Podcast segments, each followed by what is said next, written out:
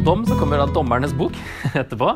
Der er det mye ulydighet og frafall. Eh, Ca. 300 år med dette dommersystemet hvor eh, Gud reiser opp dommere til å lede folket og til å utfri dem fra fiendene sine.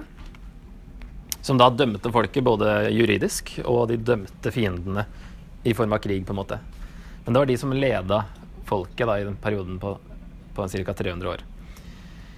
Det er en veldig mørk bok, og folket er frafallent, å si. Det, det går i en sånn nedadgående spiral, bare blir verre og verre.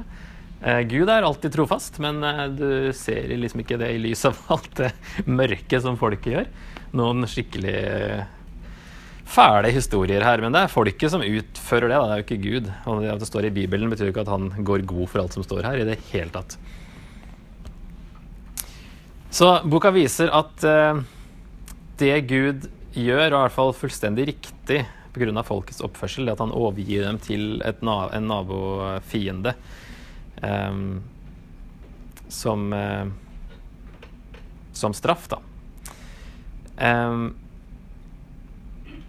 skal vi se, Det blir en sånn syklus som det her. At uh, folk dyrker alltid andre guder. Det står liksom Helt til Josva døde, så oppførte folket seg veldig bra. Og så, så fort de også var død, så var det liksom fritt fram, si, virka det som. Og da er det alltid avgudsdyrkelse.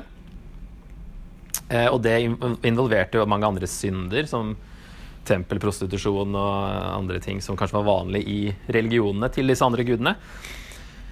Eh, så sender Gud dem eh, en form for ulykke og nød, ofte med at de blir angrepet av en fiende. Og så innser de at de trenger hjelp, og de roper til Gud. Og så sender Gud en dommer som utfrir dem, og så får de fred, står det. Så hadde landet fred i 40 år, f.eks. Og så døde den generasjonen, og så er det en ny generasjon, og så skjer det samme igjen. Og så går det rundt og rundt og sånt. Kapittel to forklarer denne strukturen her. Eh, og så går det samtidig nedover.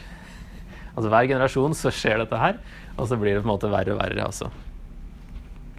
Og dommerne er jo ikke så mye bedre enn folket, det heller. Sånn som Samson. Han er liksom en søndagsskolehelt, men han er egentlig en, en skikkelig Ikke noe forbilde. Uh, Gideon òg, en annen av de som liksom er positive, han er ikke helt uh, helstøpt, han heller. Han lager vel et gudebilde på slutten. Uh, så det er liksom, det er ikke helt på stell her. Så det er et mirakel, egentlig, og Guds nåde, at folket overlever når de holder på sånn som det her. Um, men Gud blir lei på et punkt på slutten av kapittel to. Så sier han eh, dette folket har brutt den pakten jeg påla fedrene deres, og ikke lyttet til det jeg har sagt. Derfor vil jeg ikke lenger drive ut for dem et eneste av de folkeslagene som Josfa lot bli igjen da han døde. For gjennom dem skal Israel settes på prøve. Vil de, eller vil de ikke, holde seg til Herrens vei og gå på den slik som fedrene deres har gjort. Derfor lot Herren disse folkeslagene være igjen i stedet for å drive dem bort straks, og han overga dem ikke i Josuas hender. For han blir lei, og derfor lar han de bli boende.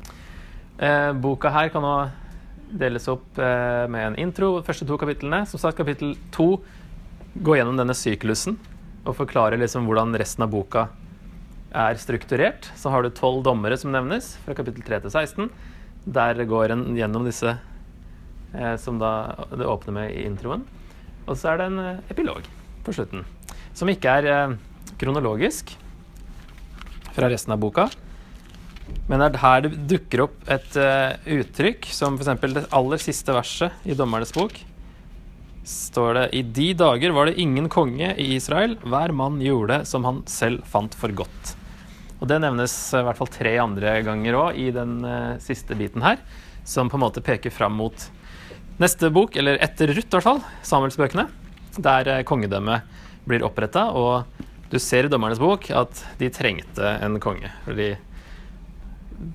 for å samle dem og til å eh, Ja, det var mye Hver mann gjorde det som han selv fant for godt. Og det går ikke så bra. Derfor eh, virker det som den peker fram mot mot kongebøkene og Samuelsbøkene og kongebøkene, da. Eh, for å legitimere det på, på, en måte. Jesus i dommerne, han eh, Dette med en konge som peker fram altså de, de dager var det ingen konge i Israel. Det peker først og fremst fram til David, som da peker fram mot Jesus, som vi kommer til straks. Eh, og så står det også et vers i 1127 at uh, Herren er dommeren, står det egentlig. Så det er egentlig Gud som driver og dømmer gjennom dommerne.